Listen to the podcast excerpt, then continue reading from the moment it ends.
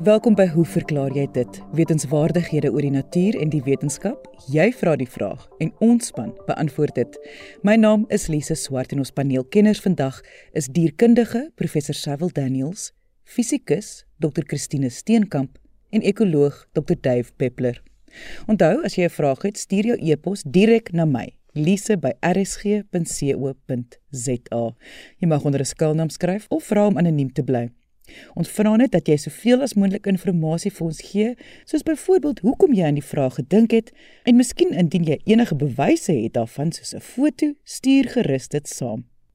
Sandri van Heerden van Pretoria Oos vra vandag ons eerste vraag en dierkundige professor Cecil Daniels gaan haar vraag beantwoord. Sandri skryf: Diere wat in gevangenis is, leef 'n korter lewe as dieselfde diere in die wild. Hoekom? Die diere in die gevangenis ervaar tog minder stres, kry tog kos. Is dit die veg vir oorlewing wat hulle langer laat lewe in die wild? Professor Daniels. Goeiemôre Lise, goeiemôre kollegas en goeiemôre aan die luisteraars. Hierdie is 'n vreeslike interessante vraag met uh wat nie werklik 'n uh, eenvoudige antwoord het nie, maar ek het wel 'n bietjie gaan soek en ek vind 'n baie interessante studie deur die Otere te diere wat in 2015 in die vakjoernaal Scientific Reports gepubliseer is. Hierdie outere toets die hipotese dat diere wat in gevangenis woon, um, in vergelyking met diere wat in die natuur voorkom, um watter van hierdie groepe lewe die langste. In hierdie spesifieke manuskrip toets hulle hierdie hipotese deur na soogdiere te kyk. En hulle gebruik 50 verskillende soogdiere waarvan hulle die diere se lewensperiode in die natuur na kyk en dan ook hierdie selfde 50 diere se lewensduur in um gevangenis met ander woorde in 'n dieretuin kyk en dan vergelyk hulle hierdie twee met mekaar om te sien waar lewe die diere ehm um, die langste. Nou hulle maak baie interessante bevindinge. Hulle bevind byvoorbeeld dat 84% van soogdiere lewe langer as hulle ewe knee in die natuur. Baie interessant. Maar hulle sê die effek is die mees opsigtelikste um of waarneembaarste waar die diere die vinnigste lewenstempos het. Met ander woorde, wanneer die diere 'n kort lewensperiode het, 'n hoë reproduktiewe koers het, 'n hoë mortaliteit in die natuur. Ek gaan nou terugkom na hierdie. In met diere wat in dieretuine voorkom, maak hulle die volgende algemene opmerkings wat heel uh, uh logies is. Hulle sê die diere lewer langer as gevolg van die verlaagde predasiedruk. Gewoonlik in 'n dieretuin is die word die diere apart gehou, so daar's nie predatore wat um op die diere kan um kan prooi nie. Um met ander woorde, die dier kan daar um heel gemaklik lewe. Sy kos word elke dag na hom toe gebring. Daar is ook in 'n dieretuin omdat die diere nie in 'n ekologiese raamwerk voorkom nie, is daar um geen interspesifieke kompetisie nie. Met ander woorde, daar is nie kompetisie met ander diere nie en dan ook die dragkapasiteit van die omgewing waar die diere voorkom word nie oorskry nie. Weereens in 'n dieretuin, as 'n mens uit 'n logiese perspektief uit daarna kyk, um is daar verlaagde siektes en al hierdie drie bogenoemde uh um ekologiese parameters predasie, kompetisie en die um aanwesigheid van siektes kan natuurlik 'n beduidende impak hê op die hoeveelheid diere wat daar voorkom in 'n omgewing. Die volgende uh, opmerking wat hulle maak is hulle vind dat spesies met 'n stadiger lewenstempo, met ander woorde, diere wat baie langer lewe met 'n lae reproduktiewe koers met het 'n baie lae mortaliteit um in die natuur. So watter voorbeelde kan 'n mens nou hierna kyk? Vir die diere wat die mees positiefste geïmpakteer word deur dit is wanneer 'n mens byvoorbeeld 'n skeerbekmuis met 'n olifant met mekaar so vergelyk, want dit val presies in hierdie twee groepe. Die skeerbekmuis het 'n hoë uh, metabolisme en het 'n baie kort lewensperiode terwyl 'n olifant byvoorbeeld het 'n laer um reproduktiewe reproduktiewe koers jammer en 'n baie langer lewensfase in vergelyking met 'n uh, skeerbekmuis. Die studie stel voor dat wetenskaplikes moet kyk na diere wat 'n stadiger lewenstempo het omdat hulle nie noodwendig 'n uh, voordeel trek uit hulle teenwoordigheid in 'n dieretuin nie. So om die vraag te beantwoord met spesifieke verwysing na soogdiere. By soogdiere lewe die diere langer wanneer hulle in gevangenisse is. Dit is reg met ander woorde in 'n in 'n dieretuin omgewing. Ehm um, maar die effek daarvan is mees beduidend wanneer die diere kleiner is en 'n korter lewensperiode het met 'n hoër metabolisme as 'n mens 'n mens ook net logies na aan dit dink, ehm um, die diere wat natuurlik in die dieretuin voorkom, het 'n veearts wat op 'n ehm um, baie gereelde basis na die dier kom kyk. Ehm um, hulle kry spesiale kos. Ehm um, so hulle kan baie langer lewe in 'n dieretuin. Wanneer 'n mens natuurlik nou self 'n dier sou aanhou waarvoor 'n mens gewoonlik 'n permit uh, sou nodig hê, Ehm um, en die dier het baie spesiale dieetvoorkeure. Ehm um, moet 'n mens natuurlik dan 'n voorsiening daarvoor maak. Indien jy dit nie doen nie, sal die dier natuurlik baie gou vrek. Uh so in die algemeen is by soogdiere in elk geval lewe die diere langer wanneer hulle in dieretuine voorkom in vergelyking met wanneer hulle in die natuur voorkom as gevolg van die feit dat daar natuurlik mensgemaakte intervensies is wat help om die diere langer te laat leef, maar die uh, impak daarvan is mees beduidend by kleiner diere in vergelyking met groot diere wat dan nou 'n baie langer lewensperiode het. En dit was dierkundige professor Cecil Daniels. Volgende vra Rudolf Joubert van Langebaan 'n vraag wat Fisikus Dr. Christine Steenkamp gaan beantwoord.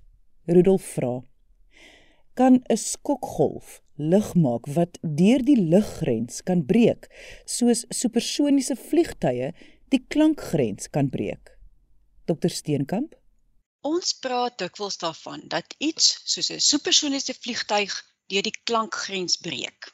En ons weet dat dit gepaard gaan met 'n harde knal weens 'n skokgolf wat vorm. Rudolf Jeber het hieroor 'n interessante vraag gevra. Om hieroor te begin dink, gaan ons nou eers vra hoekom hierdie skokgolf vorm as iets deur die klankgrens gaan. Wanneer 'n voorwerp 'n klank produseer terwyl dit beweeg, word die klankgolf wat in die voorwaartse rigting beweeg, saamgedruk sodat die golflengte van daardie klankgolf korter raak en die frekwensie hoër. Die klank wat agtertoe beweeg word weer uitgerek sodat die frekwensie daarvan verlaag. Daarom klink 'n motor wat 'n bymens verbyjaag iets soos Aanvanklik wanneer die motor na 'n mens toe op pad is, is die frekwensie en die toonhoogte hoog en wanneer die motor verby is en wegbeweeg, is die frekwensie en die toonhoogte laer. Dit word die Doppler effek genoem.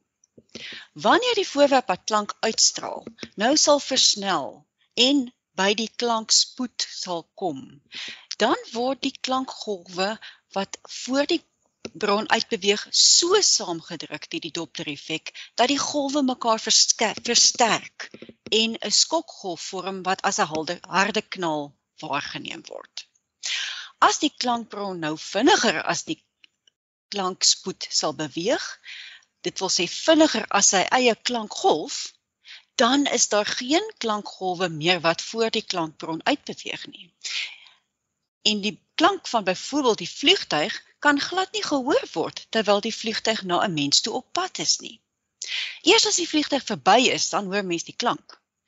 Dis hoekom 'n mens dan sal opkyk in die rigting waar die klank kom en sien dat die vliegtyg glad nie daar is waarvandaan die klank kom nie, maar reeds 'n hele ent vorentoe.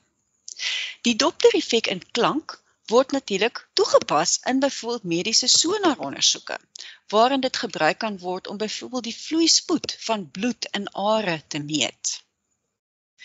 Nou is die vraag of dieselfde verskynsel ook met lig gebeur. Die antwoord is ja, maar die Doppler-effek is beslis ook van toepassing op lig.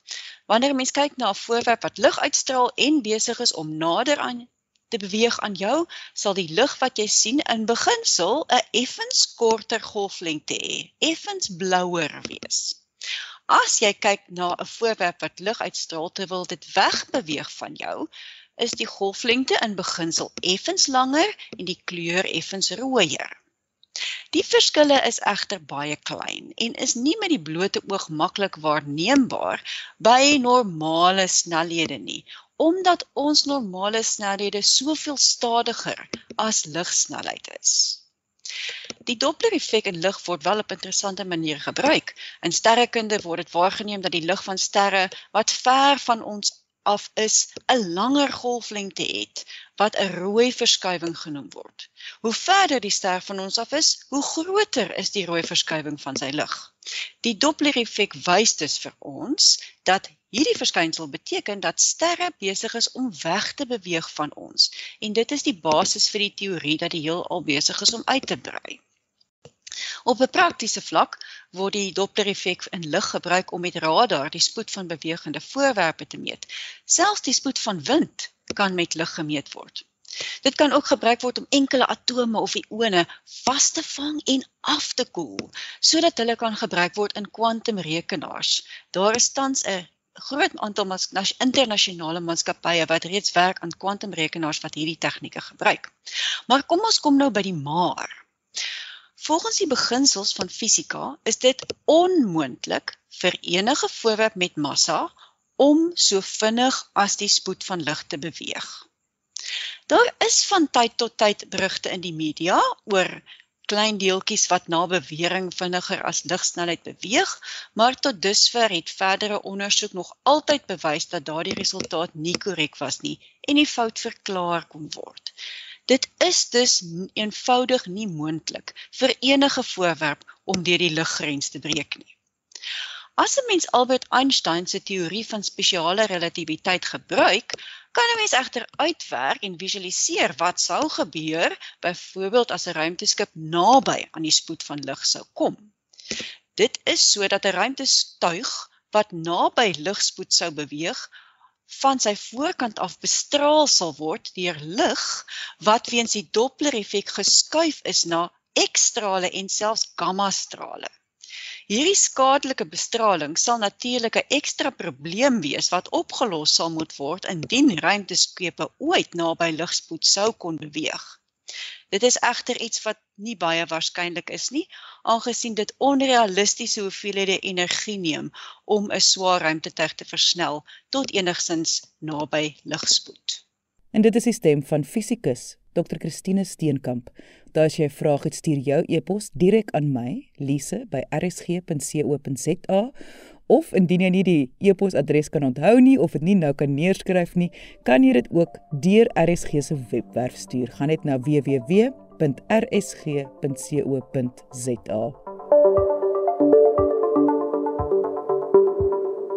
Anne-Marie van Centurion het 'n vraag vir ekoloog Dr. Dave Peppler.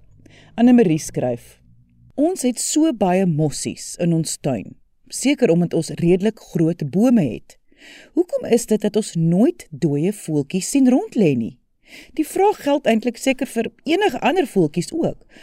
Ons sien nie katte ooit in ons tuin nie, slegs nou en dan 'n voeltjie wat uit die nes geval het en dan ongelukkig is die bewys daarvan in ons hond se kake. Dr Peppler, hoekom sien ons nie meer dooie voeltjies rond lê nie? Morelise, ons gaan vandag praat oor 'n vraag van ehm um, Anne-Marie van Centurion wat vra oor waar en hoe voel sterf. Maar voor dit doen wil ek graag 'n regstelling maak.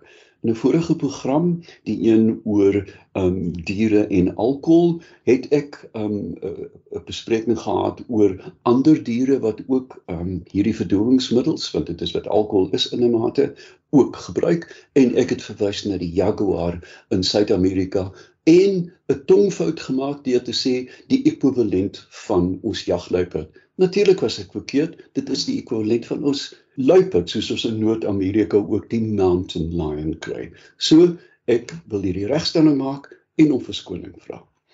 Nou ja, sal ons hierdie vraag met 'n ander vraag aanspreek, die een van waar voels vrek. En kom ons vra eers, hoeveel voels is daar op aarde? Um net verlede jaar in 'n baie goeie um tydskrif, 'n wetenskaplike tydskrif, het um Kanadese 'n skatting gemaak, uiteraard gebaseer op kragtige wiskundige modellering. En hulle antwoord was en luister hierna dat die aarde bevat tussen 50 en 430 miljard voels. Nou, 'n mens kan sê hoe op aarde kan dit 'n skatting wees met so 'n ongelooflike breë horison. Maar dit is wat die die modellering vir ons sê. Daar's 'n minimum van van 50 miljard en dan 'n maksimum van 430 miljard. Dit is onsaglike hoeveelhede voels. Nou ja, waaruit bestaan hierdie samestelling? Glad nie verrassend nie, die die die mees algemene voël op aarde is die huismosie, die wat by ons in Stellenbosch en Johannesburg en Kaapstad rondvlieg ingebring deur Cecil John Rhodes. Die tweede mees algemene voël is natuurlik die Europese spreeu, ook deur Rhodes na die na Suid-Afrika gebring. Um in het ek gesê die huismosie staan op 1.6 miljard, die um Europese spreeu op 1.3 miljard dink ek. Dan kan jy glo nonnetjies uile 1.1 miljard van hulle en dan seemeeu spesies in die orde van tussen 2.5 en 4 miljard. Hoe lyk die die die samestelling dan in terme van voorkoms? Soos 'n mens kan verwag, is daar relatief min superoorvloedige voëls, met ander woorde die huismossie, die spreeu en die uil, maar daar is natuurlik 'n oorgrootte um, meerderheid van voëls wat klein bevolkings het. 12% van die wêreld se voëlbevolking het onder 5000 um individue en dit is ongelooflik min as jy kyk na die grootte van die aarde en um enige bevolking minder as 1500 word as bedreig beskou. Ons dink byvoorbeeld hier aan die kiwi, daai vreemde Nieu-Seelandse voeltjie met die lang bek en die vreemde vere. Daar ons weet presies, daar is 377 op aarde, die uh, Javanese arend 630 en um van die mees bedreigde voëls op aarde die Seychelles valkie um waarvan minder as 100 bestaan. Hoeveel hoenders is daar op aarde? 25 miljard. Nou ja. Kom ons kyk hoe voels vrek. Leslie Brown, die uh, beroemde voelkundige, hy was in 'n roofvoelkundige, um wat gespesialiseer het in Afrika roofvoels, het altyd gesê dat indien jy 'n dooie roofvoel wil hê met jou om of skiet of oor hom ry, want ons sien hulle nooit in die veld byna nie. Nou kyk ons na meeste voëls het natuurlik geen keuse as jy mens dit so kan stel oor waar hulle wil vrek nie want hoekom? Hulle word die motorsplat gery dan hulle word verstrengel in visnette daar's arende kleiner roofdiere valke um, met ander woorde hulle word uit die lewe gepluk en verorber uh, sonder om byna 'n teken te los. Natuurlik is daar ook natuurlike vrektes um, Maar hierdie vrektes gebeur gewoonlik op verborgde plekke. Die ou spreekwoord van weet 'n siek hond kruip weg. Ons weet dit self van onsself as ons siek is, ons het griep. Jy wil wegkruip. Jy wil nie praat nie, jy wil in 'n donker kamer gaan lê en diere doen dit ook. Hoe affekteer LED-ligte insekte se getalle? Luister gerus weer na enige van hoe verklaar jy dit se episode as 'n potgooi op RSG se webwerf Hoe affekteer LED-ligte insekte se getalle? was 24 September 2013 uitgesaai. So gaan kyk onder hoe verklaar jy dit se potgoeie op RSG se webwerf, dit is rsg.co.za na enige van ons vorige episodes. So onthou as jy 'n episode van Hoe verklaar jy dit gemis het, kan jy die potgooi gaan luister op RSG se webwerf. Nou weer terug na Dr. Dave Peppler wat besig is om te vertel oor hoekom ons nie meer dooie voeltjies sien rond lê nie. Die die grootste faktor in hierdie in hierdie afwesigheid van kadavers is natuurlik dat voels ontsaglik vinnig ontbind. Hoe lyk 'n voël wat siek is. Nou ja. Eerstens hulle probeer nie wegkom nie. As jy by 'n duif verbyloop en hy sit vir jou en kyk en hy wil nie vlieg nie, moet jy weet die einde is naby. Een of beide oë is toe. Ehm um, daar is ehm um, hulle is in 'n gehurkte posisie, kromrug. Uh hulle pof die vere op. Ehm um, daar is gewoonlik gekookte mis om die kloaka en soms ook bloeding. Nou ja, waar gebeur hierdie vrektes dan? Nou, eerstens met botsings. Mense besef eintlik of ons reduseer botsings gewoonlik na motors en natuurlik ruitte teen geboue. Maar dink daaraan, daar is kraglyne, daar is heininge ensovoorts strukture, hoë geboue, torings, brûe waarin voëls soms vasvlieg en veral op migrasie as hulle in die nag vlieg, vlieg hulle in hierdie strukture vas. Mens moet onthou dat voëls liggewig liggame het. Duidelik, omdat hulle vlieg, meeste van die bene, is vol lugsakkies. Met ander woorde, die skelet is ongelooflik lig. Vere, die strukture is nie ons weet hoe lig vere is as jy onder 'n bulsak lê. Um en dan gevolglik breek hierdie bene baie maklik in botsings. Voels kry verskriklik maklik seer.